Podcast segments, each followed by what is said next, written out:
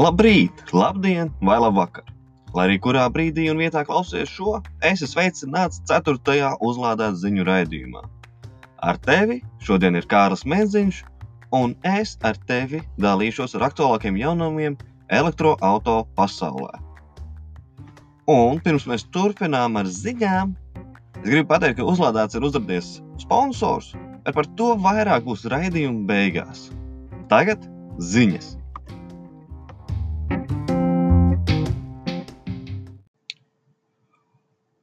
Es te lēkāšu pāri pa tabiem, tā kā, ja tu dzirdi kaut kādus klikšķīšus, zini, tā ir datora skaņa.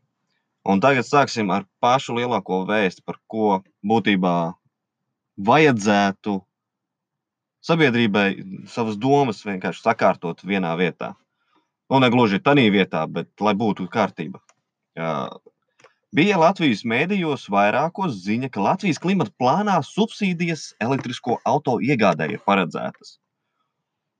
Apakšvirsraksts tuvāko gadu laikā Latvija varētu sekt daļu izmaksu iedzīvotājiem par elektrisko automobīļu iegādi. Šāds punkts iekļaus Latvijas Nacionālajā enerģētikas un klimata plānā, ko apstiprināja valdība. Ekonomikas ministrs gan norāda, ka pasākums būs atkarīgs no pieejamā finansējuma. Gribu uzreiz pateikt, atbalsta nebūs. Protams, ekonomikas ministrs pasaka, ka atkarīgs no pieejamā finansējuma. Nu, tas ir tulkojums. Naudas nav un nebūs. Skaidrs. Bet eh, labā ziņa ir tāda, ka satiksmes ministrija ir aprēķinājusi, ka, lai sasniegtu savus mērķus, kas ir uh, transporta sektorā, mums vajag 18,000 elektroautorātu līdz 2030. gadam. Un vienlaicīgi Latvijas energo paredz, ka 2030. gadā būs 36,000 šo elektroautorātu, kas nozīmē, ka mērķis ne tikai tiks sasniegts, bet divkāršosies. Nu, labi, pieņemsim, ka uh, Latvijas energo ir kļūdījušies, un viņi kļūdījušies ir pa 50%. Mērķis ir sasniegts. Un tāpēc es ļoti, ļoti pat, kā, neticu tam, ka valsts varētu dot finansējumu, līdzfinansējumu. Tā kā, ja tu tagad šaubies, pirkt vai nepirkt, pagaidīt trīs gadus, paņemt tagad sev dīzelīti uz trīs gadu operatīvo līzingu, vienkārši ņem elektrisko auto uz to operatīvo līzingu. Nu, tu uzreiz jau būsi pieredzis, kas tas ir. Un, ja pēc trim gadiem tev nepatiks, vai tev patiks kāds cits labāks, nu maini. Kāpēc tev tagad būtu jāizvēlas dīzeļdegviela? Jo tieši tagad ir īstais brīdis, kad izmantot visas iespējas. Nav pateikts, līdz kuram brīdim būs Rīgas satiksmes eh, bezmaksas stāvvieta. Nav pateikts, līdz kuram brīdim būs ļauts braukt ar, eh, pa sabiedriskā transporta joslām. Visas šīs tagadējās subsīdijas viņām nav termiņu. Jo drošāk tu vairāk ietaupīsi jau tagad ņemot, nekā tad, kad potenciāli varētu būt subsīdijas. Un tur ir teikts, tādā rakstā par subsīdijām, ka būs, ka būs labi, ja pēc trīs gadiem, un tad viņi izvērtēs, tikai pēc trim gadiem viņi izvērtēs, vai piešķirt. Tas nozīmē, ka ātrākais pēc četriem gadiem tas būs. Un 2024. gads tas ir tas brīdis, kad jau būs cenu paritāte pēc dažādām aplēsēm. Vieni saka, 25. gadā, citi saka, 22. gadā. Nu, teiksim, pa vidu 23. un 24. gads. Un tas nozīmē, ka tajā brīdī, kad viņi lems, viņi pastāstīs, ah, mašīna X ar dīzeļdzinēju maksā tik, mašīna Y ar elektroautorātu dzinēju vienādi parametri, vienāda cena, nu, vai gandrīz vienāda cena. Nu, baigā jēga subsidēt. Drīzāk, ko mēs varam sagaidīt, ir, ka būs ierobežojumi šiem iekšzemes dzinējiem, ka būs ielikumi gan piesārņotājs maksā politika, gan aizliegts iebraukt kaut kādās zonās, gan reģistrācijas sarežģījumi, nu, un viss kaut kas tāds. Tāpēc cerēt uz to, ka būs valsts atbalsts, es neredzu pamatu. It īpaši, it īpaši pēc četriem gadiem. Ja teiktu, hei, mēs domājam šogad ieviest vai nākamgad ieviest, Tad vēl, jā, tad vēl tam varētu kaut cik kā, tiešām atcerēties. Bet, ja tu šodien tiešām ej pie dīlera, es nezinu, Hyundai, Nissans, nu, nosauc to, un šaubies ņemt vienu vai otru, nu, nepaliks tev labāka situācija. Tad būs nākamgad un šogad būs lētāki auto, bet ja jau tu šodien gribi sev auto, un tu šaubies, labāk ņemt tagad un uzreiz. Vismaz zināsi, ko tas nozīmē nākotnē. Un te ir viens citāts no ekonomikas ministra Ralfa Nemīro. Gadījumā, ja attīstās ļoti strauji elektroenerģijas uzglabāšana, un līdz ar to kļūst diezgan lēts un pieejams šis transporta līdzeklis, valstī būtu iespējas subsidēt, bet tas ir tādā plāna veidā, un skatīsimies, kā attīstīsies šīs tehnoloģijas. Būtībā dzīvosim, redzēsim, bet nesacerieties. Labi. Par šīm ziņām tas būtu viss. Es arī nedaudz papļāpājos ar satiksmes ministru pārstāvu. Mēs esam viens partijas dalībnieki. Nu, tieši tāpēc es arī uzskatu, ka nu, nav jēgas sacerēties. Labi, tagad par nedaudz vecākām ziņām. Latvijas gada auto 2020 notika, kad viņš notika novembrī? Jā, novembrī. Es nezinu, kas ir pasludināts par gada auto, bet jau pirms tam es nojautu, ka nebūs, nebūs eko auto tur. Starp visiem tiem, cik tur bija 37 pretendenti. Jā, Uh, kas viņu ziņo, wow, rekords liels skaits, rekords liels skaits. Un tad tu tāds pasties, kas tur ir tie rekordi lielie. Jā, nu tur daudz Mercedes, facelifts, Audi facelifts, Volkswagen facelifts, Skoda facelifts, Citroen facelifts. Būtībā tur nav nevienas tā kā jaunas mašīnas. Nu, labi, kaut kas tur bija jauns, bet uh, reāli lielākā daļa tur vienkārši ir. Oh, pielikām jaunu priekšējo bumperi, mm, jauna mašīna. Un vidējais CO2, tas ir tiešie izmeši no šīm mašīnām, bija 129 grami uz kilometru. No šī gada stājās spēkā, ka ir jābūt 95 gramiem uz kilogramu, kilometru. Un tas nozīmē, ka vidējais šis auto, kurš pretendēja uz nākamā gada titulu, nu, kas ir tobrīd tas bija 19. gads, tagad 20. gads, tad uh, vidējais nemaz nekvalificējas kā labs auto. Auto ražotājs pārdodot tādu auto samaksā lielas naudas sodas. Kā tas var būt gada auto? Un kurš tad beigās bija eko auto? Hyundai Kona Electric, nu, kas ir uh, nevis elektrika, bet hybrida. Un man vienkārši tāds, nu, pās, nu, gada auto, nu, kā jūs, kurā pasaulē jūs dzīvojat? Labi, Hyundai Kona elektrika tiešām arī sasniedz tos, uh, tas ir hybrid. Viņiem bija 90 CO2 gramu uz kilometru, un tāds tieši zem 95. Tur bija arī starp pretendentiem, kas spēja tiešām uh, pakļauties zem, bija vēl trīs Peugeot 208, kaut kāds arī uh, hybrids, Renault Clio un Toyota Corolla, ja tas bija hybrids. Hybrids, jā, tagad ir tāds vārds latviešu hybrids, nevis hibrīds, bet hybrids. Um, nu jā. Un vēl skatoties, tur vēl bija daudzi Toyotas. Tur bija Camrijas, RAV4, Supra. Nu, skaidrs, supra tur nekādīgi tur neiekļautos uh, izmešos, bet tikai, tikai viena mašīna pakļāvās šiem uh, jaunajām regulām. Toyota Corolla, un tā ziņā tikai tad, ja tas ir hybrīds, atkal es saku hybrīds, hibrīda versija. Uh, jo, nu, ja tā nebija hibrīda versija, tā nepakļaujas. Tās, būtībā, ja tu šodien ieeji Toyotas tīleru lapā, Vienīgie, kas pakļaujas reāli šodienas regulai, ir hibrīdi, un arī tad ne visi. Tāds ir lielāka cerība, ka mazāks, eh, mazāk izmēra mašīna to pārsniegs. Bet, teiksim, tāds RAV 4 hibrīds, nu, viņš nesasniedz tos 95 gramus. Un, bet to jūtu baigi spiež uz saviem hibrīdiem. Saka, ka Lexusam tur 98% pārdotās vienības Latvijā ir hibrīdi. Varbūt tāpēc, ka jūs arī piedāvājat tikai Lexus hibrīd versijas. Nu, tāds, ka klientam ir reāli jāgrib nepirkt hibrīds, lai viņš nopirktu nehibrīda mašīnu. Un Toyota esot pāri pa 50%. Nu jā, puse jūsu mašīnas ir hibrīdi. Tur, tur nav ar ko lielīties. Toyota. Tur nav ar ko lielīties. Tagad viņi esot iegādājušies uh, Latvijai ūdeņraža mašīnu. Jo redz, uh, gan Pērnavā, gan Rīgā tagad tūlītās būs ūdeņraža stacijas. Nu, Rīgas ūdeņraža stacijai uh, uzpildīšanas stacija nu, palaida eksploatācijā, bet ražošanas stacija nav palaista eksploatācijā. Un vēl ar tiem ūdeņražiem ir tā, ka ir tik daudz veidu, kā viņus var saražot, un tikai viens veids ir tāds, kurš ir tiešām dabai draudzīgs. Jo pretējie veidi ir vēl sliktāki nekā, ja tu brauktu ar iešdezu dzinēju. Nu, tādu, nu, labu iešdezu dzinēju. Ne, nerunāsim te par kaut kādiem traktoru veidīgajiem.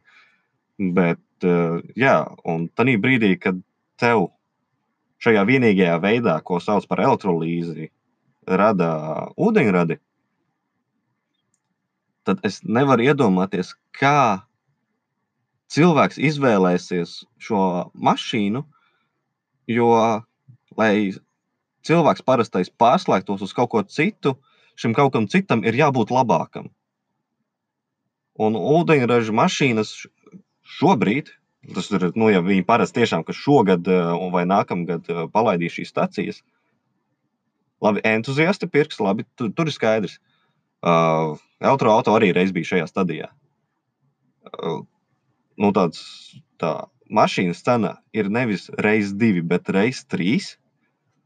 Un ūdeņraža cena elektrolīzes šobrīd labākais process ir 30% efektīvs kas nozīmē, ka tev viena ūdeņraža vienība, lai nobrauktu to pašu attālumu, izmaksā trīsreiz dārgāk kā uzlādēt ar elektrību. Un šobrīd elektrība ir trīsreiz lētāka, vai dažos gadījumos pat četrreiz lētāka nekā degviela. Tad pazūd uh, arī šis ekonomiskais aspekts, ekonomiskais izdevīgums. Ja ar elektroautorātu to var rēķināt, oh, nu, man atmaksājas cenu starpība nu, divos gados vai piecos gados. Ar ūdeņradi es neredzu, kā tas, nu, vismaz ne šobrīd, kā tas var būt ekonomiski izdevīgs pasākums. Labi, pietiks par sliktajām ziņām. Tagad vēl par sliktākām ziņām. Labi, labi, ne tik sliktām ziņām. Šeit tīri fakti. Es aprēķināju, cik netīrs tad ir mans elektroautorāts. Nu, gluži cik rēti es to mazgāju. Es īstenībā mazgāju baigi rētu savu mašīnu. Vajadzētu aizvest nomazgāt. Bet eh, jā, es nesenā diskusijā sāku apšaubīt pats savu pārliecību par elektroautorātu tīrību. Jo paldies komentētājiem, uzlādās lapā. Tur tiešām nāca ar jauniem tur, kaut kādiem tur pētījumiem.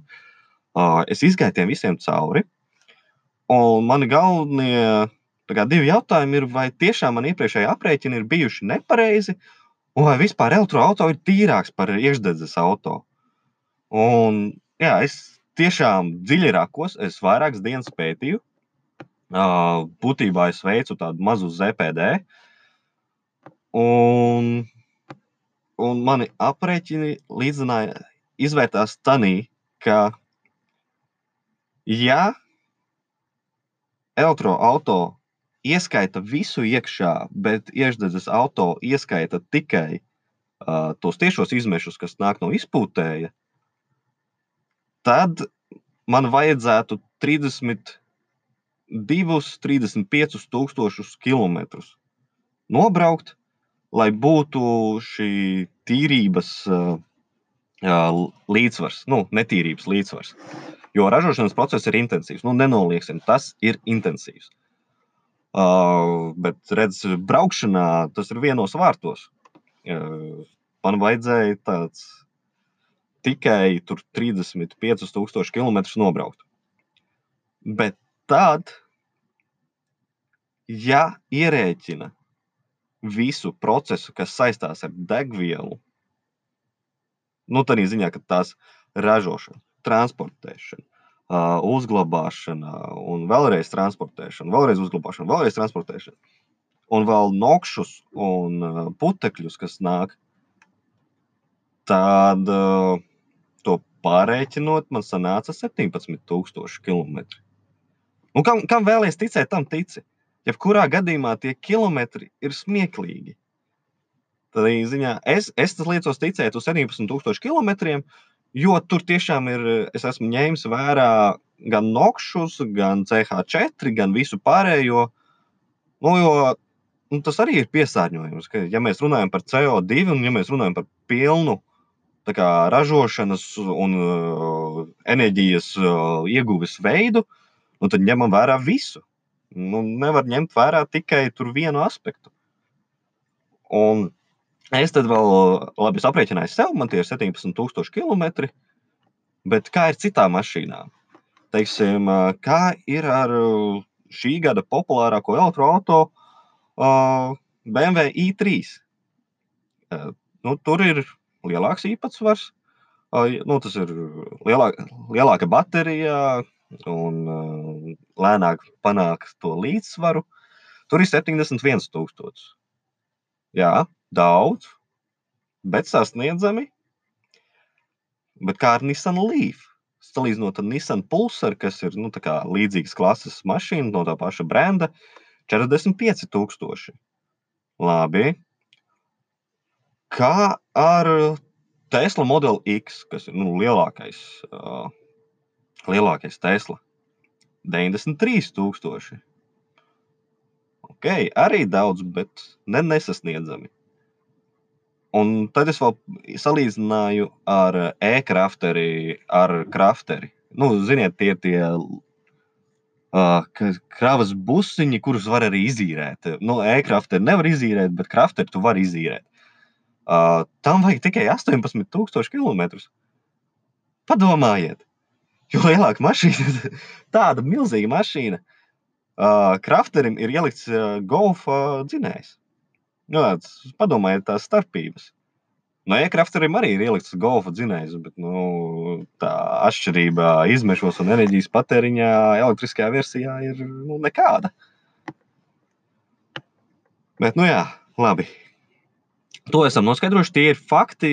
Droši dodies pārbaudīt manus aprēķinus. Ja kaut kur ir nepareizi, esmu gatavs mainīt savus aprēķinus. Šobrīd neviens nav pierādījis pretējo. Kas vēl ir mums ziņās? O, oh, jā, šī mašīna mani pārsteidza. Uh, mani sen, man īstenībā neviena Tesla tā īsti neaizrauja. Es atzīšos, uh, mani Tesla Model 3 interesē tikai tik, cik interjers man ļoti patīk. Tā citādāk, es teikšu, godīgi, man tā liekas garlaicīga mašīna. Labi, tā spēja ātri lādēties, tā spēja tālu braukt, bet elektriskais Fords Mustang Mach-E, wow! Es tās bildes skatoties, es vēl tā nesapratu, vai man patīk vai nepatīk. Bet tad es noskatījos video, kur tas ir apskatīts. Un, nu, protams, ja man nauda ļautu to, ja man bankas konts būtu nezinu, desmit reizes biezāks, es vienkārši mestu ar naudu Forda virzienā un ņemtu to. Bet nu, tā nav. Līdz ar to es tā nedarīšu. Bet, jā, Mach-E ir pilnīgi elektrisks crossovers ar Mustanga raksturīgajām pazīmēm. Un kas svarīgi, tā cena ir zem 50,000 eiro. Mustangs. Elektrisks. Crossovers. 50,000 eiro. Un tas ir pirmais no daudzajiem, ko šis amerikāņu autoražotājs sola tuvākajā laikā. Pazīsimies uz tehniskajiem parametriem. Nu, tāds, tas Es nezinu, es uz to mašīnu skatos un iekalojos. Lētākā versija Mustangam maksā 46,900 eiro Vācijā. Varam tikai spekulēt, ka Latvijā tas būtu, ja ne tādā pašā cenā, tad drusciņā lētāk, bet dārgākā pamatversija ir 62,900 eiro. Un autonomija ar šiem ir 340 līdz 480 km pēc amerikāņu standarta, kas ir daudz striktāks, daudz realistiskāks. Un padomājiet, pat nu, tā mazākā baterija, 340 km. Tu aizbrauc uz Liepāju, tu atbrauc gandrīz atpakaļ, vai ne? Vai arī tu aizbrauc uz Daugavpili un tad kaut kur kaut ko domā. Bet tā ir reāla distance, ko 95% cilvēki, viņiem tas nekāds apgrūtinājums neveiks. Nu, protams, ar tādu mašīnu tev noteikti ir garāža, līdz ar to tev vispār par uzlādi nav jādomā. Bet nu, tas jau ir tas nobraukums, kurš jau ir tādā vietā, kad 95% cilvēku nav jādomā. Jā, ir cilvēki, kas dzīvo Lietpā, strādā Rīgā, un viņi katru dienu dodas divas stundas vai pat vairāk ceļā. Uh, nu, cilvēki, jums ir jāmaina kaut kas steidzams savā dzīvē. Jo divas stundas vienā virzienā jums darīt nav ko. Nu, padomājiet pie šī. Labi. Uh, kas vēl? Nu, Labi, par Fordu aizmirstam. Tur es esmu safanojies. Ja man būtu, es ņemtu, un tur daudzi, ja. Kas ir nākamais tāds lielais? Cybertruck. Tesla Cybertruck. Nu, nebija neviens vienaldzīgais. Tāds es par. Es zināju, ka viņu prezentēs, bet es nebiju noskatījies tā prezentāciju. Un jau mana mamma, kas neseko līdzi šādām lietām, uh, Viņa jau man stāstīja par šo. Nu, padomājiet, cik, cik liels mārketinga triks notikās šajā gadījumā. Un spriežot par dizainu, kāpēc tas ir tāds, kāds tas ir? Kantains, tā teikt, nestandarta, tāds raupšs, varētu pat teikt. Kāds tur smējās, ka trīsgadnieks var tādu mašīnu uzzīmēt. Nu, jā, var. Trīs gadnieks var arī uzzīmēt uh, citas mašīnas. Bet jā, uh, kāpēc tā izskats varētu tik ļoti atšķirties no ierastajiem pikapiem? Uh, tas varētu būt tādēļ, ka tie, kas izvēlas pikapus, nu, teiksim, Ford F-150, kas ir populārākais Ford uh, ASV un vispār populārākā mašīna ASV, uh, vai tā līdzinieku Viņi savu kā nākamo pikapu izvēlēsies tieši to pašu modeli, tikai jaunāku. Un, kad būs laiks iegādāties nākamo, izvēlēsies to pašu izvēli.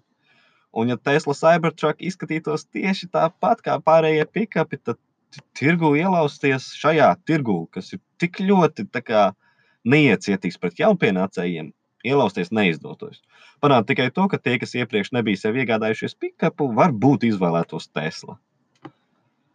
Uh, lai vai kā, dienu vēlāk savā oficiālajā paziņojuma platformā Twitter Ilons steidza paziņot, ka ir saņemtas 146,000 rezervācijas. 146,000 rezervācijas. Viņš pārstāja ziņot par rezervācijām, kad tās pārsniedza laikam 300,000 vai 400,000. Būtībā, ja viņi sāktu tagad ražot Tesla Cybertruck, viņiem, un Ilons tā izteicās, ka viņi uz pieciem gadiem ir nodrošinājuši sev naudas plūsmu. Tad viņi zina, ka viņi ir rentabli piecus gadus uz priekšu ar šo vienu modeli. Uh, runājot par pašu Cybertruck tehniskajiem aspektiem, tā sākuma cena ir 40,000 dolāri, un dārgākā versija maksā 70,000 versija. Lētākā versija spēja 400 km nobraukt, un jaudīgākā 800 km nobraukt pēc amerikāņu standartiem. Mēs tikko runājām par Fordu, kurš uh, spēja 340 km par 50 tūkstošiem. Un šis pikaps spēja 400 km par 40 tūkstošiem. Tāds, nu, jūs saprotat, ka šīs cenas strauji krīt. Nu, strauji krīt.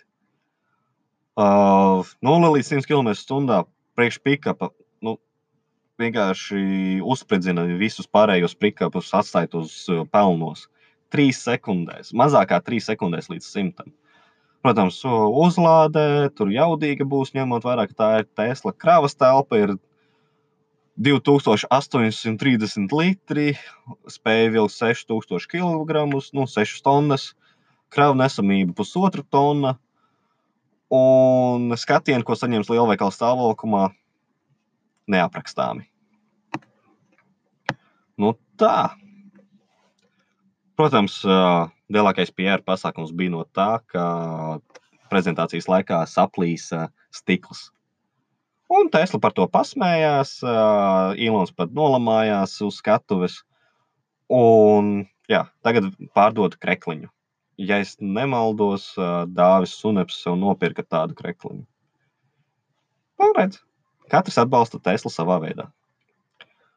Par jaunajiem auto runājot, Latvijā sākās lētākā elektroautorāta līdz šim pārdošana. Volkswagen e-app. Jā, Volkswagen e-apps iepriekš jau arī tika pārdots Latvijā, bet viņu noņēma no pārdošanas sarakstā, ja nemaldos, divus gadus atpakaļ vai gadu atpakaļ. Būtībā Latvijā pie dealeriem viņi nevarēja nopirkt. Jaunais e-app, kas spēja nobraukt uh, 260 km pēc Eiropas braukšanas testiem, kas arī ir savā ziņā ļoti akurāti. Nu, tāds, pilsētā tu vari nobraukt vairāk, ārpus pilsētas mazāk, miksētā aptuveni tik arī var nobraukt. Tā jaunā e-app cena, vispār priekš pateiks, kas bija vecais e-apps. Viņš maksāja 26,000 un spēja nobraukt realitātē 100-110 km. Tātad 26,110 km. Seši gadi vēlāk, jaunais e-app maksā 20,000 par 6,000 lētāk un spēja veikt 260 km. Tātad divas ar pusi reizes vairāk kā iepriekšējais modelis. Un, nu labi, tam ir vairākas jaunas features, bet kas man visvairāk patīk, teiksim, intervijā ar Timrotu, mēs runājam, ka vajag pēc iespējas prastāku elektroautorātu. Nu, šis ir, man liekas, tik prasts, cik autoražotājs uzdrīkstas būt. Viņam nav nekādi tur spilgtie LCD, OLED displeji, ir uh, analogais ātrumā šis rādītājs, uh, vispēc iespējas analogs, nu, radio ir savs displejiņš un klimata kontrolē, lai parādītu, cik tev grādi uzregulēti. Bet visa galvenā kā, komunikācija, tā izklaides sistēma tev patiesībā ir caur telefonu. Tu pieslēdz telefonu ar aplikāciju klāt, un tev ir tur visa aktuālā informācija. Un tas man ļoti patīk. Uh, ja runā par tehniskajiem parametriem, 61 kW motors, nekas uh, Uber krūts, bet šādai mašīnai ļoti piemērots līdz 100 km/h, mazākā 12 sekundēs, un maksimālais ātrums ierobežots uz 130 km/h. Mm. Bet te ir jāņem vērā, ka 20,000 eiro tas ir tā pamatcena. Un, ko es gribētu noteikti, ir pielikt klāt ziemas pakotne, kas nozīmē, ka tur ir sēdekļa apsilde. Ļoti svarīgi īstenībā. Uh, Neldriski apsildāms veistikls arī svarīgi. Uh, tas ir 384 eiro. Uh, gribētu arī palīdzības sistēmas, kas nāk, tas būtībā joslas ieturēšana un ātruma uzturēšana, un kruīzes kontrole, kas maksā vēl 460 eiro. Uh, es gribētu arī attālināti kontrolēt savu mašīnu, bet tas nav svarīgi. Tas nav obligāti tā teikt. Tas maksā 157 eiro. Un es negribētu to zilā krāsā. Tā ziņā, ka man liekas, te jau visi ēpi, kas ir Latvijā, ir zilā krāsā. Un es negribu būt nu, tā kā visi. Līdz ar to papildu cita krāsa, kas nav zila, 168 līdz 391 eiro. Un atcerieties, tā cena bija 20,000, to ieskaitot 21,000. Nu, labi, nekas grandios. Bet uh, tagad jāgaida Seat un Skoda trīnīšu variācijas. Uh, jo tā solās būt lētāk, skatoties, kā ārzemēs viņi pārdos, kāda ir tā cenu starpība. Mēs varam sagaidīt, ka Latvijā, tad, kad viņi beidzot būs, viņu cenas būs uh, 17, 18 tūkstoši. Un tur uh, šis jau ir ļoti konkurētspējīgs piedāvājums, vismaz manuprāt. Nu, it īpaši tiem cilvēkiem, kam nav jāpārvadā piecas sievas mātes, trīs slimi suņi un uh, entās kravas kastes. Būtībā pilsētnieks vai piepilsētnieks, kas apzinās uh, to, ko viņam vajag. Un šī cena, ja mēs iepriekš runājām par subsīdijām, Nu, nu, cik lielā apmērā šīs subsīdijas būtu? Nu, nezinu, ja tā kā Igaunijā, ka 5000 eiro, nu, ja tev maksā 20,000 eiro mašīna, tad 15,000 tev izmaksā e-apps vai 12, nu, 13,000 sejāts Skoda variācijas. Tad jautājums ir, kas notiksies ar uh, lietoto auto tirgu? Jo šobrīd uh, e-api ir nu, sākot no 11 līdz 15 tūkstošiem vēl pat dārgāki.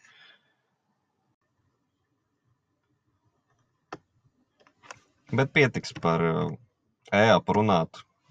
Tas man liekas, ka ļoti, ļoti, ļoti mainīs tirgu gan jauno, gan lietoto elektroautorātu tirgu. Parunāsim par Toyotu, precīzāk par Lexusu. Un Lexus arī ir izlaidis elektroautorātu. Nu, taisās izlaist preses relīze jau ir bijusi, prezentācija notikusi, nu tad ražošanai tūlīt ir jāsākas, arī jau ir sākusies. Um, bet Lexus jau un Toyota jau gadiem skeptiski ir attiecībā pret elektroautorātu. Un Lexus UX300E ir pirmais no Toyota grupas, kas mēģina ielausties nu, jau blīvajā elektrisko crossover tirgu. Toyota bija viena no pirmajiem, ja ne pirmie, kas iepazīstināja šīs autobūves ēras pasauli ar hibrīdu sistēmu. Iekšzemes dzinējam tika pievienots elektriskais motors ar mazu bateriju, lai palīdzētu veikt sarežģītākos braukšanas uzdevumus, braukšanas uzsākšanu, strauju pātrināšanos vai kalnos augšu braukšanu. Tomēr kopš 1998. gada Toyota nav nekur tālāk tikusi. Ko viņi tur izdarījuši? Ir pielikuši Priusam uzlādes vadiņu, noņēmuši sēdvietu daļu tā, Un, man liekas, RAV4 ir lādējams. Un, man liekas, viens Lexus arī ir lādējams. Bet, nu, pastoties, kā viss ir attīstījies, liekas, ka Toyota nu, vienkārši ir dinozaurs, kurš izmirst. Uh, nu, jā. Un tad Lexus kurš jau sen atzinās, ka ir spiests taisīt elektroautorātu, jo Ķīnas un Eiropas izmešu regulas neatstāja šim ražotājam citas iespējas. Tagad ir pirmais no Toyota, kas uh, prezentējas elektroautorātu - Lexus UX 300E. Un tā jau neslikti izskatās šī mašīna. Izskatās tieši tā, kā UX, UX 300 klase arī izskatīsies. Glauni, nedaudz agresīvi un moderni. Uh, preses relīzē tur rakstīts, ka sola piedāvāt līdzvērtīgu vai labāku braukšanas pierī, pieredzi. Jautājums ir, vai 50,000 eiro Lexus elektroauto ir tā vērts. Arī ziņā, ka mēs tikko runājām par Ford Mustang, kurš maksā 40,000 eiro. Un Tesla Cybertruck arī 40,000 eiro. Nu, tur es nezinu, jābūt tiešām Lexus un Toyota fanātam, lai izvēlētos šo variantu. It īpaši tāpēc, ka eh, preses relīze rakstot, tur ir tādi ūdeņi samalti, un starp rindiņām tu izlasi to, ka mēs negribējām ražot šo, mēs negribējām šo ražot. Vai paskatieties, kāda autonomija viņi parāda savā preses relīzē. 400 km, bet pēc vecā braukšanas standarta. To ir jau aizliegts lietot. Un 400 km pēc vecā braukšanas standarta tie ir 270 km realitātē. Nu, 250 tā vēl reālāk. Un ko viņi vēl izdarījuši? Viņi ir pielikusi, pielikuši šādamo uzlādes standartu, kas ir Japānas uzlādes standarts. Un man ir mazas ticamības, ka viņi uzliks Eiropas variantiem, Eiropas standartu uzlādē. Un tas nozīmē, ka šo mašīnu, nu, Japānas standarts ir nedaudz atpalicis ar uh, uzlādes jaudu. Uh, nu, tu nevarēsi viņu tik ātri uzlādēt kā citas mašīnas, kas iznāk šajā gadā. Labi, tas varbūt nav tas būtiskākais aspekts, bet uh, jaunai mašīnai šajos gados, šajā gadā, ja tā nemaksā tā kā e-apps, tai ir jābūt ar labāku uzlādes jaudu. Un tur tāda uzlāde, tas ir ne uzlādes, bet ūdens liešana notiek. Teiksim, Lexus ir padarījis šo mašīnu klusāku, pievienojot papildus izolāciju. ko es lasu, šī mašīna ir kļuvusi smagāka. Un pasakiet, tie, kas eh, brauc ar eh, Lexus vai Toyota hibrīdiem, tad, kad mašīna brauc tīri elektriskajā režīmā, jums traucē skaņas, kas nāk no ceļa. Nu, jums reāli traucē. Jo te, tas ir darīts ar attaisnojumu, ka uh, izbaudīsiet komfortablu mieru salonā. Tas nozīmē, ka tie, kas tagad brauc ar citām mašīnām no Lexus vai Toyotas, jums ir nemieris salonā. Un otra puse relīzes vienkārši ir apraksts par to, kā vispārīgi elektroautorāta pārvietojas un ir uzbūvēts. Nu, tur tāds tiešām ne, nekas īpašs. Vismaz atšķirībā no Nissan Leaf šim būs dzēsēšanas funkcija baterijā. Gaisa dzēsēšana gan, bet tomēr tas ir vairāk nekā nekas. Un vienlaicīgi, nu, atgriezīsimies pie cenas - 50,000 eiro. Nu, tā ir mana spekulācija no avotiem, dažādiem, ko es esmu izlasījis. Mēs jau pieminējām Ford Mustangu, kas spējas uz pusi vairāk nobraukt kā šis un maksās mazāk. Uh, nepieminējām Kia Inīro, kas, starp citu, no šī gada ir pieejams arī Latvijā, kas spēj divreiz vairāk. Nē, nu, divreiz nē, bet uh, 450 km spējas. Volvo XC40, kas spēj 400 km, un tas, tas varētu maksāt arī ap 50,000.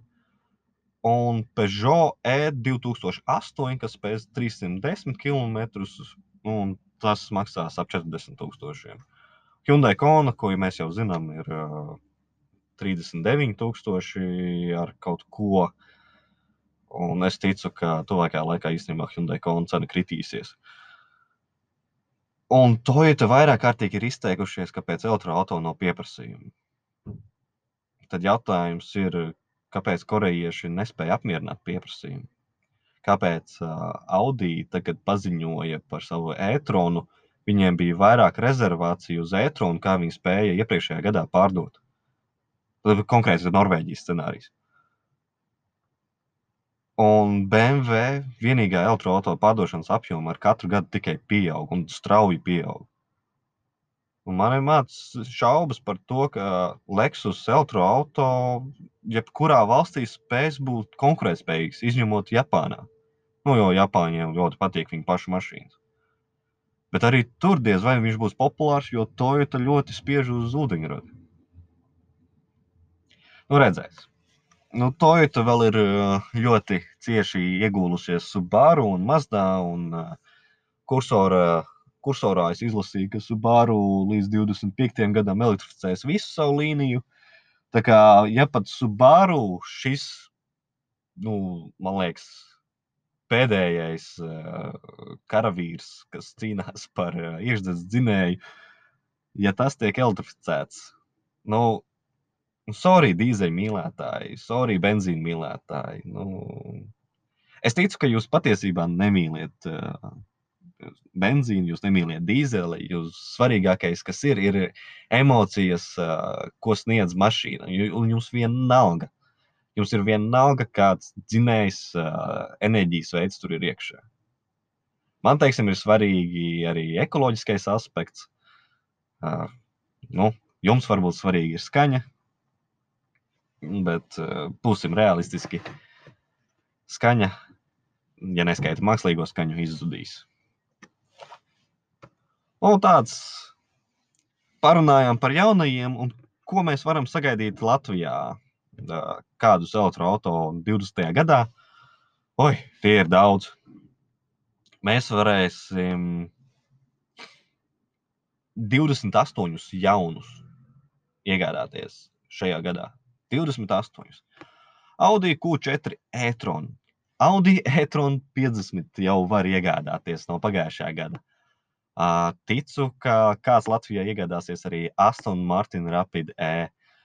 Šogad būs arī BMW iX3, uh, Renault vai Dacia City KZE, uh, DS3 Crossback e-Tense, uh, Citroen uh, C4, Fiat 500e, Ford Mustang Mach-E, Honda E, Kia E-Nero, Kia E-Soul, Lexus UX300E, Mazda MX30, Mercedes-Benz EQC, Mini Electric, Opel Corsa E, Peugeot E208, Peugeot E2008, Polestar 2, Porsche Taycan. Starp citu, jau ir reģistrēti kā deviņi Latvijā Porsche Taycan. Uzlādz, deviņi. Šīs mašīnas ir sākot no, man liekas, 110 tūkstošiem. Turpinot, Renault Zoe uh, ZI50, Seat Elborn. Tas gan ir vairāk tāda spekulācija, ka pēc tam, kad ID3 jau būs, uh, Volkswagen ID3 jau būs piegādāts uh, Latvijā, tad uh, pusgadu vēlāk nāks Seats. Tā kā gaidām. Seat Mi Electric, tas ir uh, e-apa variācija, Škoda Citigo E, IV, arī e-apa variācija, Tesla Model Y. Un tagad tie, kas domā, ka Tesla Model Y nebūs Latvijā vēl šogad, nu, saprotiet, Porsche sāka savus ražot, uh, man liekas, oktobrī. Porsche Taikānu sāka ražot oktobrī. Janvārī jau ir vairākas rezervācijas. Tagad jau ir februāris, es pieļauju, ka ir vēl vairāk. Tā kā trīs mēnešu starpā. Līdz ko Tesla sāks piedāvāt modeli Y Eiropā, tā tas būs arī Latvijā. Ticiet man. Tesla Roadster. Nu, šis gan ir spekulācija vairāk uz nākamo gadu. Volkswagen ID3, eh, Volkswagen ID4, Volvo XC40 Recharge. Un iespējams, iespējams būs Volkswagen ID2 vai 1. Un tur vēl viņiem ir tie cipariņi, uz kuriem, kuriem iet. Un varbūt kaut kas jauns no Hyundai. Es ļoti gaidītu Hyundai sāgu, kas ir tā kā Hyundai i20 Active uh, versija elektriskā. Un, ja jau mēs runājam par to, kas būs šogad, vajadzētu atskatīties, kā bija pagājušajā gadā. Latvijā elektrotransporta līdzekļu skaits palielinājās par 70% 2019. gadā. Tas ir galvenokārt pateicoties mopēdiem, kas piedzīvoja 258% pieaugumu ar pagājušo gadu, bet arī vieglie auto, auto ļoti labi sevi kā, pierādīja ar 49% pieaugumu. Tā kā varētu teikt, uz pusi vairāk kļuva. Uh, skatoties uz kopskaitu, vienkārši var redzēt, ka visu laiku uh, pieaugums ir lielāks nekā eksponenciālā līkne paredz. Un vienkārši nu, es vairs neņemos spriest, es vienkārši sāku ticēt Latvijas energo, ka būs uh, 36,000 elektroautorāta 30. gadā. Bet uh, šī statistika parādīja to, ka mēs tuvojamies kritiskajam vienam procentam. Pēdējā gada ceturksnī bija 0,89% no jaunu reģistrētajām vienībām. Joprojām nav 1%, bet būs. Un tad, kad 1% tiks sasniegts, es ceru, tiešām ceru, ka būs jau šajā ceturksnī, kas tagad jau rit, un man nav pamata neticēt tam. Mm. Oh. Un tad 2% es domāju, ka būs jau noslēdzot šo 2020. gadu.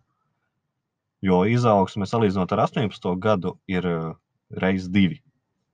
Tā ir nu, procentuāli, cik ir no jaunajām vienībām. Un, jā, un uzlāžu statistika, tas ir arī interesanti. Kā skatoties e-mobīļu statistiku, kas ir valsts tīkls, ar to, ka elektroautorāta skaits palielinājās par 50%, uzlāžu skaits ir stabils. Nu, tas nozīmē to, ka elektrons kaut ko paņem, protams, ar savu uzlādes staciju tīklu, bet arī to, ka cilvēki sāk lādēties gudrāk. Jo agrāk es pieļauju, ka cilvēki vienkārši brauc, piešķirpselēs, neatkarīgi viņiem vajag vai nevajag. Tagad jau tāds sāk nedaudz domāt, man vispār vajag uzlādēties, kā arī tās mašīnas nāk ar lielāku to autonomiju, vai vispār uh, brauks uzlādēties pie šīm ātrajām uzlādes stacijām. Nu, te ir, uh, man liekas, nedaudz jāpārvērtē uh, valsts iesaiste. Es domāju, ka vajadzētu nodot uh, valsts uzlādes staciju tīklu, nu, teiksim, ja ne Latvijas energo, nu, tad kādam citam privātajam Uh, bet ar nosacījumu, protams, ka nu, tuvākos piecus gadus šis tīkls eksistēs un tiks uzturēts. Vienkārši, lai tas nebūtu uz valsts uh, rēķina. Un atcerieties, es jau vairākas reizes pieminēju par Latvijas energo prognozi 36,000 2030. gadā. Vai jūs zināt, kāda ir satiksmes ministrijas prognoze? 6000. Eksponenciāla līkne pēc iepriekšējo gadu datiem rāda 6500. Bet uh, pēdējos trīs gados šis pieaugums ir virs 40%. Vidējais ir 45% pēdējos trīs gados. Un, ja šāds pieaugums uh, ir nemainīgs, tad 30. gadā būs 27,000 elektroautorātu. Un uh, es lasīju, ka, lai valsts sasniegtu savu mērķi 30 gadam, atjaunojumu energoresursu uh, īpatsvaram transporta sektorā, mums vajag 18,000 elektroautorātu. 18,000. Un, ja nekas nemainās, tad es tiešām ticu, ka Latvijas energo prognozes ir ļoti realistiskas. Tā ziņā, ka aizvien stingrāk šīs emisiju prasības būs pret uh, autoražotājiem, un viņi citādāk nespēja šobrīd. Ūdeņradis pat vēl nav reāli izvēles variants. Nav citu alternatīvas, kā sasniegt emisijas, kā šobrīd vēl var teiksim, paļauties uz lādējumiem, hibrīdiem, bet es domāju, ka drīzumā nevarēs. Uh, jā, lādējumie hibrīdi vai elektroautorāti, tīri elektroautorāti. Un tie abi skaitās pie elektroautorāta. Līdz ar to 36,000 ir ļoti reāls cipars. Un runājot par pārmaiņām un skepsi, Ionity, kas ir Eiropas viens no lielākajiem uzlādes tīkliem, viņi mainījuši savu izcenojumu par pakalpojumu. Un ieauto uzreiz metās pūspīlītes. Uh, šīs ziņas pagrieza tā, it kā Eiropai būtu uzlikts papildus nodoklis par uzlādi. Un tad tagad tie, kas dodas, nezinu, lādēties mājās, viņiem pēkšņi būtu reiz astoņi cenas sadārdzinājums. Nu, piedodiet, ieauto. Ja es līdz šim izvairījos jūs lasīt, vienkārši tāpēc, ka man tas nebija aktuāli, tad tagad es ļoti, ļoti skeptiski raugos uz jebko, ko jūs tagad ziņosiet. Un būtībā, kā, kāds ir fakts? Sākot no 31. janvāra stājās spēkā izmaiņas uzlādes samaksā. Iepriekš bija jāmaksā 8 eiro par sesiju, neatkarīgi cik daudz kilovatstundas tika uzlādētas no 31. janvāra par sesiju vairs nav jāmaksā. Tā vietā ir jāmaksā par patērētām kilovatstundām. Cena par kilovatstundu tiem, kas nav abonementi, ir 79 eiro centi, ieskaitot PVN. Tomēr abonementiem šīs cenas ir ievērojami lētākas - 29 centi vai 33 centi. Nu, kā kuram? Un kādam es dzirdēju, nu, neatceros, kuram ir 27 centi. Un šī cena ir ļoti konkurētspējīga. Padomājiet, nu, paņemsim 30 centus par kilovatstundu. Vidējiem elektroautorātam vajag 16 uh, kWh, lai nobrauktu 100 km. Tie ir 4,80 eiro uz 100 km. Un tev uzlādē ar superlielu jaudu. Tā ir tik liela jauda, ka tu vari uzlādēt tos 100 km. Es tagad no galvas saucu, man liekas, 3 vai 4 minūtēs. Nu, padomājiet, tu piemaksā drusciņu vairāk, tev tas viss notiek ievērojami ātrāk. Vai tas nav tā vērts? Tā kā, labi, tie, kas nav klienti, jā, sadārdzinājās. Jā, nu, tur, tur tiešām ir Bet parasti šīs stacijas, šīs Ionity stacijas, ir izbūvētas netālu no mazākas jaudas stacijām, kuras bieži vien Eiropā ir bez maksas. Bet pat ja būtu jāmaksā, ja tur ir jāmaksā līdzīgi kā Latvijas energo šobrīd ir 25 centi par kilovatstundu, tad šie 100 km izmaksā 4 eiro. Un, bet uzlādes laiks prasītu 20 minūtes. Nu, tad padomājiet, nu, 20 minūtes vai 3 minūtes, ko jūs vēlaties? Vai, vai tas ir vispār no svara? Un tad IA auto šo ziņu pasniedza tā, it kā nu, tur kaut kas traģisks notiktu un nodokļi tiks celti. Bet izlasot IA auto rakstu, un es speciāli izlasīju, nu, saprotu, kāpēc nodokļus pievienot vispār. Un nav neviens no tā. Pat vārds nodoklis nav minēts rakstā. Uzlādes noteikumi arī nav mainījušies. Vismaz ne kontinentu mērogā. Un kaut kā, kaut kā man joprojām negribas ticēt, ka IA auto tik izmisīgi vēlas savus klikšķus, lai izplatītu bailes un dezinformāciju. Bet vienlaicīgi viņi kultivē naidu pret elektroautorātu. Es ticu, ka tipiskais IA auto lasītājs viņš tuvāko piecu gadu laikā pat negribēs domāt par elektroautorātu, un pēc pieciem gadiem viņi piespiedīs situāciju. Un runājot par uzlādes stacijām, Latvijā ir pirmā 100 km uzlādes stacija. Tā ir šobrīd jaudīgākā visā Baltijā.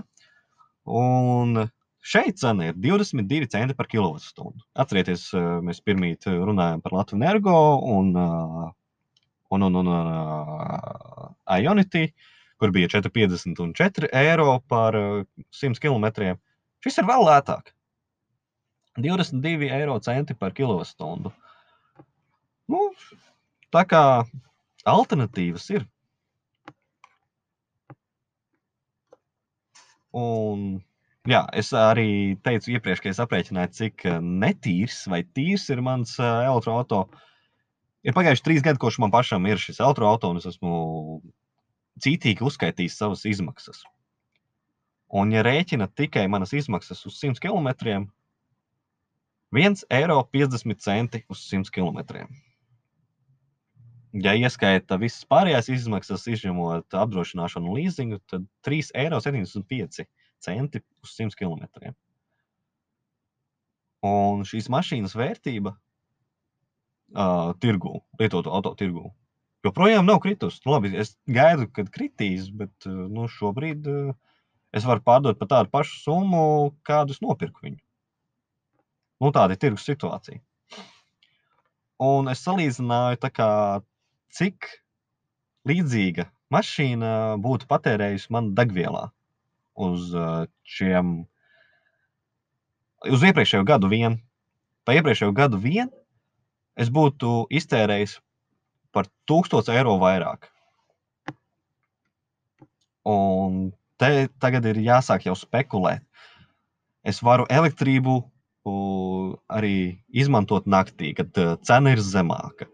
Es varu arī uzlikt saules paneļus, un tad man ir vispār bezmaksas elektrība, ja es lādēju tajā brīdī. Un nu, tāds tik daudz variācijas ir, kā man tas vispār varētu būt lētāk. Bet nu, šī šis ir tas, cik es esmu samaksājis. Nu, protams, ja mēs vēl ierēķinām uh, stāvvietas Rīgas satiksmes, kuras neesmu šo trīs gadu laikā iztērējis 3000 eiro aptuveni, uh, nu, tad būtībā tā atšķirība man trīs gados uz šiem diviem aspektiem, degviela un Rīgas satiksme, jau ir 4000, kas ir vairāk kā puse no tā, cik es maksāju par mašīnu. Nu, labi, tur papīra nokārtošana, procentu un uh, viss kaut kas tāds. Labi, tad ir puse. Un tas ir trīs gadu laikā. Šī starpība. Un nemaz nerunājot par cenas starpību, kāda būtu bijusi. Un, protams, kas gan ir mans, mans pētījums bez izmešiem, tad uh, kopš mašīnas ražošanas brīža nav izlaista atmosfērā, salīdzinot ar iekšzemes dzinēju līdzinieku, 8 tonnas CO2. 8 tonnas. Padomājiet, cik tas ir daudz. Un jā, mēs jau divreiz pieskārāmies uh, e-auto. Nu, e-auto arī taisa Latvijas gada auto apskatu. Un es izlēmu, ka vajadzētu 2019. gada elektroautorātu paziņot. Nu tā vienkārši izdomāju, ka tā vajadzētu.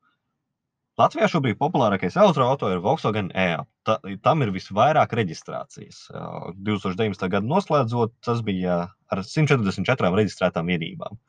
Tam sako BMW i3 un Nissan Leaf ar attiecīgi 134 un 103 vienībām.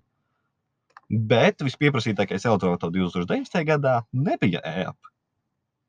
Tas, tas tika reģistrēts tikai ar trim jaunām reģistrācijām. 19. gadā vispopulārākais bija BMW i3, kas aiz sevis atstāja Tesla Model 3, Hyundai Kona un Nissan Leaf ar attiecīgi. Ja BMW i3 bija 64 jaunas reģistrācijas, tad Tesla Model 3 bija 24 jaunas reģistrācijas. Milzīga atšķirība. Nu, un tad es vēl gadu noslēdzot, pajautāju saviem lasītājiem, nu, kurš auto būtu pelnījis būt Latvijas gada elektroautorāta 2019. gadā. Uh, lielais vairums nobalsoja par Tesla Model 3. 45,3% nobalsoja, ka Tesla Model 3. Otrajā vietā atstāja Hyundai Kona ar 33,3% un BMW i3 ar 7,1%. Un tā kā Model 3 un Hyundai Kona tur paņēma lielāko daļu no balsīm. Un ņemot vērā vairākus faktorus, ņemot vērā vairākus faktorus, kas ietver, bet nebeidz ar pieejamību, praktiskumu un formas faktoru, par Latvijas 2019. gada elektroautorātu tika nosaukts Dongarī Boņa BMW i3. Nu, tīri tāpēc, ka BMW izdarīja pareizi, visus lauciņus atzīmēja, īstais izmērs mašīnai. Un, jā, vairāk par to var izlasīt eh, attiecīgajā rakstā. Un, jā, apsveicu BMW i3 īpašniekus. Starp citu, ir BMW i3 eh, Latvijas Facebook eh, grupa. Es arī pievienojos šai grupai, vienkārši intereses pēc. Tā kā droši pievienojieties, ja negribat konkrēti i3, ir arī elektroautorāta grupa ir arī Tesla Latvija grupa. Nu, būtībā, cik latvieši reizes divi, tik arī nu, Facebook grupas. Nu, es paredzu, ka nākamajā gadā nu, tāds reāli populārākais būs kāds no Volkswagen tiem e-up trīnīšiem. Un Vēnspils malači. Vēnspils ir malači. Kāpēc? Viņi noslēdza līgumu par 14 elektroautobusu un to uzlādes staciju iekārtu piegādi pilsētas pasažieru pārvadājumu veikšanai. Un kāpēc viņi ir vēl vairāk malači? Šos elektroautobusus ražos Latvijā. Būtībā tie būs Mercedes eh, Benz Sprinteri, bet eh, bez motora, eh, iekšzemes dzinēja motora, ar elektromotoru, ko pārbūvēs tepat Latvijā. Un varbūt kāds zina tādu Andriu Dambi, pieļauju, ka daudzi no jums zina. Viņš ir galvenais inženieris šajā projektā. Nu, nu, apsveicam uh, Ventspili, kas izpildīja šo burvīgo, burvīgo uh, nevis izpildīju, bet noslēdzu šo līgumu. Un apsveicu OPB busu un visus saistītos cilvēkus, kas uh, uzvarēja konkursā. Es zinu, ka jūs tiešām, tiešām centāties. Apsveicu vēlreiz lielākiem transporta līdzekļiem, kā vienkārši mašīnas, Daimler atsakās no CNG un turpina attīstīt elektriskos kravas transporta līdzekļus. Daimler ir arī Mercedes-Benz, un tur ir vēl citi brendi apakšā. Viņi ir pārtraukuši ar dabasgāzes darbināmu kravas automašīnu attīstību, lai koncentrētu resursu, baterijas un ūdeņraža platformām. To darot, uzņēmums varēs sasniegt savu mērķi līdz 2039. gadam, piedāvāt CO2 neitrālu autoparku pasaules galvenajos tirgos. Pats kravas automašīnu nodaļas vadītājs Mārtiņš Daums sacīja tā: Dabasgāzes dzinēja ir balstīta uz fosilo enerģiju, un tāpēc tā ir pārējais tehnoloģija ceļā uz CO2 neitrālu transportu. Nav jēgas tērēt lielu daudzumu naudas kaut kam, kam nav ilgtermiņa nākotnes, ja mēs šo naudu varam daudz labāk izmantot citur. Kur nu vēl labāk raksturot to, kā autoindustrija šobrīd domā par CNG un uh, visādiem citiem brīnumiem, kas saistīti ar gāzi? Nu, tas nav CO2 neitrāli. Un ņemot vērā, ka Eiropa ir apņēmusies būt, Eiropa ir arī nu, Latvija tā skaitā, ir apņēmusies būt klimata neitrāla līdz 2050. gadam, tad investēt tehnoloģijā, kas šobrīd nav klimata neitrāla, ir ļoti neloģiski. Kāpēc teiksim, tāda maza valsts Latvija, kurai budžets ir tik, cik tā ir, vispār būtu jādomā par kaut kādiem pagaidu risinājumiem, kaut kādiem plāksterīšiem? Ja mums tās naudas nav, mums tā ir jālieto efektīvi. Un tikko Daimlers pateica, ka nav jēgas tērēt lielu daudzumu naudas kaut kam, kam nav ilgtermiņa nākotnes. Un runājot par to, vai CNG ir klimata neitrāls.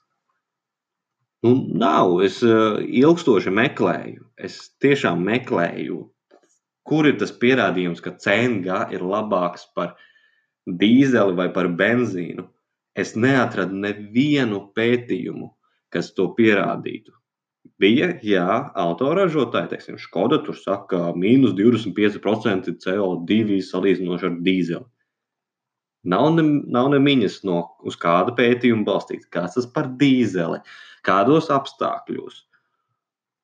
Un es uzdevos vienam citam, drīzāk man atsūtīja vienu citu rakstu par CNG kravas transporta līdzekļiem, Un tā virsraksts ir, vai gāzes kravas transporta līdzekļi samazina izmešus.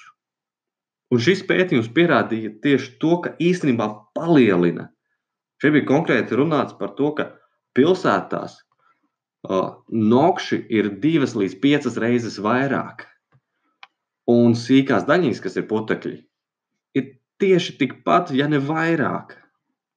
Un siltumnīca efekta izraisošās gāzes nu, ir par 3 līdz 14% zemākas, bet ieskaitot ražošanas un pārvadāšanas laikā radītās emisijas, tad uh, ir vai nu neitrāls, vai nu pat sliktāks CNG variants. Nu, neredzu vispār jēgu runāt par šo tehnoloģiju, ja, ja tā nav vēl nobriedusi. Jo ja tā nav tagad nobriedusi, nebūs tā laika 30. gadā, nebūs tā laika 40. gadā, kad mums jau ir jābūt klimata neitrāliem. Viss. Par to mēs varam aizmirst. Un to vēlreiz pierāda jauna subsīdija valstī, ko daži zina. Tā saucas Nīderlande. Un tā dos atbalstu priekš elektroautoriem, arī lietotiem. No 1. jūlija būs pieejams valsts atbalsts 4000 eh, eiro apmērā jauniem elektroautoriem un 2000 apmērā lietotiem elektroautoriem. Un šīs subsīdijas ir pieejamas elektriskajām mašīnām, kuru vērtība ir mazāka par 45,000 eiro. Un tur ir vēl visādas niansītas, kā var vispār pieteikties šīm subsīdijām. Tas nav tā vienkārši iegājies sesā, izvēlējos elektroautoriju un nopirku. Nē, tev ir jāiet cauri certificētiem dealeriem, un šiem dealeriem ir jānodrošina pāris lietiņas, vai autoražotājiem ir jānodrošina vairākas lietiņas. Bet uh, nianses, uh, kas būs šīs pāris lietiņas, tiks izziņots jūnijā. Līdz ar to Nīderlande iedos vēl vienu izaugsmes iemeslu klimata neitrālām transporta līdzekļu risinājumiem. Un, ja tu vēl šaubies par to, vai elektroautorāta ir tev, es noteikti iesaku pastīties tādu izglītojošo video ciklu, ko taisa The Fully Charge Show. Noteikti daudzi mani sekotāji seko arī šim kanālam. Tas ir uh, Britu kanāls, ko uzsāka Roberts Levins. Viņš savu karjeru uzsāka kā aktieris, bet nu jau būtībā vairāk ir uh, asociēts ar Fully Charge kā ar saviem TV epizodēm. Un tagad viņi ir izdomājuši, ka taisīs tādu izglītojošo video ciklu par pārēju uz elektroautorātu. Un viena no viņu personībām, Medija, sievietes vārds Medija, uh, būtībā iepazīst elektroautorātu pasauli un izvēlas savu elektroautorātu. Viņa ir ļoti izcila zinātniece, bet būtībā viņai ar elektroautorātu nekāda sakara līdz šim nebija. Un tad nu, viņi izdomāja, nu, ka ir laiks pāriet uz elektroautorātu. un vienlaicīgi, kāpēc lai neuztaisītu izlietojošu video ciklu no personīgās pieredzes.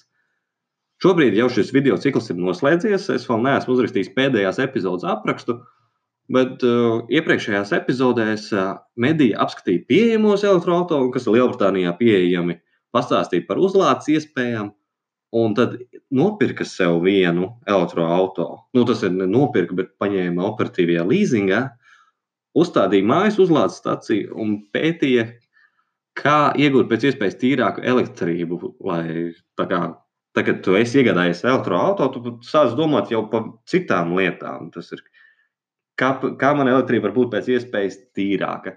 Ja elektrība ir pa dienu dārgāka, naktī lētāka, varbūt otrādāka vai kā tur.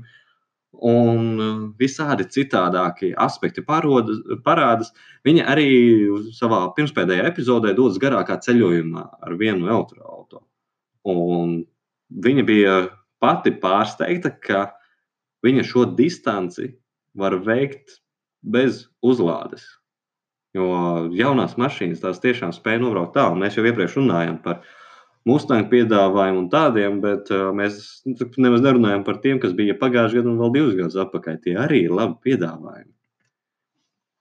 Nu, tagad nedaudz parunāsim par tiem notikumiem, kas vairāk saistīti ar Latviju. Jā, mēs sākām ar Latviju, un noslēgsim arī ar Latviju. Uh, 9. februārī notika pasaulē pirmās elektriskās drifta sacensības ar Latvijā ražotiem drifta tricikliem. Wolftraika drifta elektriskie tricikli ir kvalificējušies Latvijas Automobīļu federācijai, drifta komisijai un radījuši nebijušu iespēju katram izmēģināt pamatsoļus driftā un izjust adrenalīnu. Es godīgi sakot, nevarēju atrast, kas uzvarēja 9. februārī, kas bija pirmais posms. Bet uh, man nedaudz pašam nagi niezēja, lai varētu piedalīties šajās sacensībās. Un, jā, vienīgi tas, ka datums man nederēja. Bet, uh, rekur, teiksim, 16 plus klasē, 16 plus tas nozīmē vecums, minimālais augums 1,55 m, nu, es atbilstu, reģistrēšanās 35 eiro. Nu, nemaz nav tik daudz. Nu, redzēsim. redzēsim, kas notiksies. Es ceru, ka šīm sacensībām ir potenciāls. Es domāju, ka ir potenciāls. Es ceru, ka tas labi attīstīsies. Un runājot par sacensībām, notiks pirmo reizi Latvijā elektrokartingu čempionāts bērniem.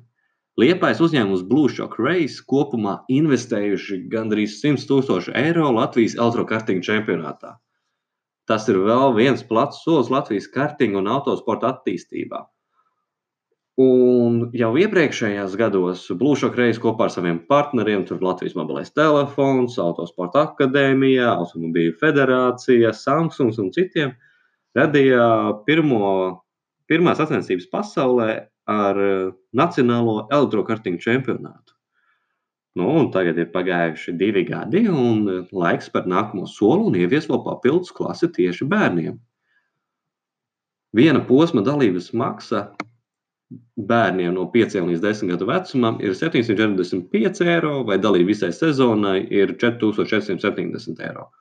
Man nav ne jausmas, vai tas ir dārgi vai lēti, e, bet e, man liekas, ka tas nav pārāk dārgi. Un galvenā balva šajās sacensībās ir tieši elektriskais kartings. Un te ir rakstīts, ka čempionātam jau ir pieteicies viens no pagājušā gada pēdējā posma dalībniekiem, un, uh, un vēl viens dalībnieks, kur nav paskaidrots, kas tas ir. Labi, tas nekas. Pirmais posms notiks Madonā 22. un 23. kas tas sanāk, janvārs, februārs, marts, aprīlis. Maijā. Maijā jau Madonā būs pirmais čempionāts, tad sako Kandava, tad Ropaži, Smiltene, atkal Madona un Jelgava. Seši posmi. Nu, urā! Kaut, kaut nu sanāktu. Nu, nevis kaut nu sanāktu skaidrs, blūšo kreisi jau vadījuši Latvijas citas sacensības un redz šo kā nākamo attīstības posmu. Un turpinot par pasākumiem, 26. februārī, kas jau ir, varbūt klausies to jau šajā nedēļā, līdz ar to 26. februārs ir trešdiena, un Jūrmalā notiks seminārs, kā izmantot vidi savā labā. Būtībā doma ir pa, pa semināra gaitā pastāstīt par klimata politikas aktualitātēm gan Latvijā, gan Eiropā, atjaunojamo energoresursu plašāku izmantošanu, un uh, nedaudz uzsvers arī šoreiz būs uz vēju, kas man personīgi patīk. Un, uh, jā, es nedošos uz šo semināru, man diemžēl tam nav laika. Bet, ja jums ir laika, noteikti piesakieties. Viet, vietu skaits ir ierobežots. Es zinu to vietu, jo Jurmālas energoefektivitātes centrs. Tur tiešām nav vietas vairākiem simtiem cilvēku, tāpēc piesakies laicīgi. Un pēdējā, pēdējā ziņa, tā ir konkrēti par uzlādētas iepriekšējo podkāstu. Es iesaku tiem, kas vēl nav to noklausījušies, noklausīties. Jo tur es, Jānis Beters un Ansis Klinsons, mēs runājam par to, kas ir elektroautorāts, kā tas atšķirās, kādas priekšrocības, kādi trūkumi. Un vienkārši tā diskutējam par savām izvēlēm. Iesaku noklausīties. Šīs nedēļas ceturtdienā arī notika konference dienas biznesa rīkota, un tā tēma bija tīra enerģija transportam. Es, diemžēl, nebiju uz pirmo trešdaļu vai ceturdaļu, pat varētu teikt. Bet tur bija diezgan nomācošs gāzes industrijas spiediens, ka ir jāpāriet uz gāzi. Un man tas vienkārši tā nedaudz šokēja, jo tieši tāpat kā vēlāk arī diskusijā stāstīja RTU eksperts, ka nav neviena pētījuma, kas to atbalstītu. Nu, un, protams, tad liekas tāds jautājums, kurš no tā iegūst, kad cilvēkiem tiek nu, tā vienkārši melots. Un valsts, protams, aizstāvs, tas ir pārējais periods, mums ir Eiropas Savienības noteikumi, kas mums ir jāievēro. Nu, labi, ievērojam, bet ievērojam minimumu ievērojami minimumu. Tur ir teikts, ka ik pēc 150 km jābūt. Uzliec vienu staciju, labi, mums jau ir divas stacijas. Viena ir Jēkabīlī, viena Rīgā. Ok, 150 km no Rīgas. Nu, kur mēs varētu? Starp saldu un liepā ielikt, jā. Tad mums atkal ir 150 noklāts. Un tad kaut kur aiz limbažiem, tur, nezinu, Igaunijas pusi, tur varbūt pat Igaunija būs uzstādījusi mums, nezinu, Gaiziņkalnu tuvumā ir jānoliek. Un viss mēs būsim minimumu izpildījuši. Jēga tur iesprūst. Un pie tam, kā jau iepriekš minēju, auto industrija virzās prom no gāzes, pat vēl nesākusi īsti investēt gāzē. Tad šīs sistēmas, viņas pašas sabruks no nerentabilitātes. Labi, tagad, kam tur bija? Jēkabpilī? Jā, pašai Jēkabpilī arī bija tie autobusi. Jā, tur tas scenārijs ir rentabls, jo ir autobusi, kas to patērē. Ok, jā, tuvākos 20, 30 gadus tie autobusi tāpatās nekalpos tik ilgi. Viņi kalpos, nu, cik ilgi kalpo autobusi? Desmit gadus, jā, maksimums. Viss. Pēc tam jau elektroautobusu cenas būs nokritušās tik zemu, un to eksploatācija būs pierādījusies, ka ir tiešām tāda, kā saka, un paprasiet Rēzeknei, cik reāli izmaksā elektroautobusu apkope, elektroautobusu apkope. Paprasiet Jūrmalai, un drīz varēs paprasīt arī Vēnspēlī, ko tas nozīmē. Un par laimi konferences vidū uzstājās arī Latvijas Energo, Tur visu kārtīgi salika pa plauktiņiem, jo tiešām līdz konferences vidum visi, visi varēja vienā balsī vienkārši teikt CNG, CNG, CNG. Uzstājās arī Neste, kas parādīja, ka viņiem arī ir risinājums, un ja viņu pētījumi ir patiesi, tas risinājums ir pat labāks kā CNG, jo viņu dīzels tiek taisīts. Neste mājas, starp citu, var nopirkt arī Rīgā, kur uzvaras bulvārī laikam. Uh, jā, tas neste māja ir taisīts no pārtikas atkritumiem, un viņa sadegšanas process ir ievērojami tīrāks nekā nu, dīzelim tipiskajam. Un ar ievērojami tīrāks nav runa par kaut kādiem 10%. Nu, es neticu tam, ko viņi stāstīja, bet nu, pieņemsim, ka pat 30, varbūt pat 40% ir, ir tīrāks. Un tas jau ir labāks par to, ko CNG sludina, kaut gan nu, nav nekāda pētījuma tam apakšā. Un kāpēc? Nu, vienkārši, ja valsts kaut ko atbalsta, varbūt pat loģiskāk būtu atbalstīt tīrāku dīzeļdegvielu. Nu, tas ir tāds, var būt. Es saku, es neesmu pētījis apakšā, Un bija vēl viena prezentācija pēc tam ar eh, elektroautorātu lietotāju viedokli, kur eh, stāstīja aptauju rezultātus un klientu pieredzi konkrēti. Tagad man vēl samalot, bet viņš bija atvedis eh, pārstāvēju arī Porsche brendu Latvijā. Bācis. Tagad neatceros. Nu, labi. Bet prezentācija bija tiešām laba un paskaidroja, ko cilvēki meklē mašīnās. Un tagad, kad elektroautorāts sāk atķeksēt visas, izņemot pēdējā viena, bija laikam ķeksītis, nu tad viss. Viņš saka, ka visi pamazām sāk pārslēgties uz elektroautorātu. Un ja mēs tagad teiksim, runājam, ka elektroautorāta Latvijā pagājušajā gadā bija 0,9% no jaunajām mašīnām, tad tas ir teju 2% luksus segmentā. Un luksus segments, acīm redzot, nu, būs pirmais, kas tā kārtīgi elektrificēsies. Jo, acīm redzot, kas, ir, kas tur valda, tur ir Tesla, tur ir Audi, Porsche tagad, un nāks jau vēl. Visi, arī pat Ferrari ir izteicies, ka būs elektrisks. Kaut gan viņiem jau LaFerrari ir ļoti, ļoti jaudīgs hibrīds.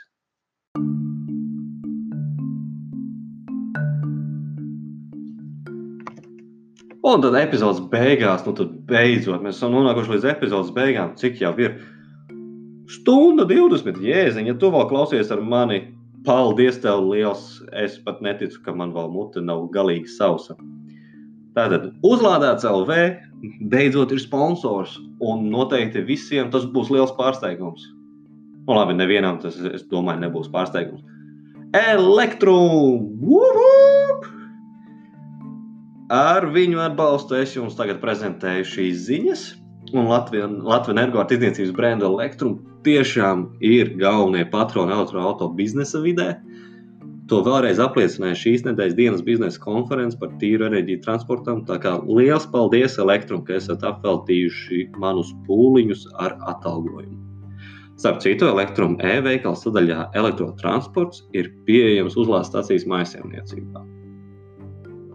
Ja vēlaties atbalstīt uzlādētas LV, tad droši dodies uz patreon.com uzlādēts, kur var atbalstīt mani pat par vienu eiro mēnesī ja tev situācija mainās, un tu vairs nevari atļauties tērēt to vienu eiro, jebkurā brīdī vari savu atbalstu arī atcelt. Un iepriekšējās septiņas epizodes, no kurām četras ir intervijas, var atrast savas izvēlētās platformas arhīvā. Līdz nākamajai reizei, un atcerieties, ka nav tādu pašlādējušu hibrīdu, jo tagad tāds vārds ir, un neaizmirsti par dīzelgeitu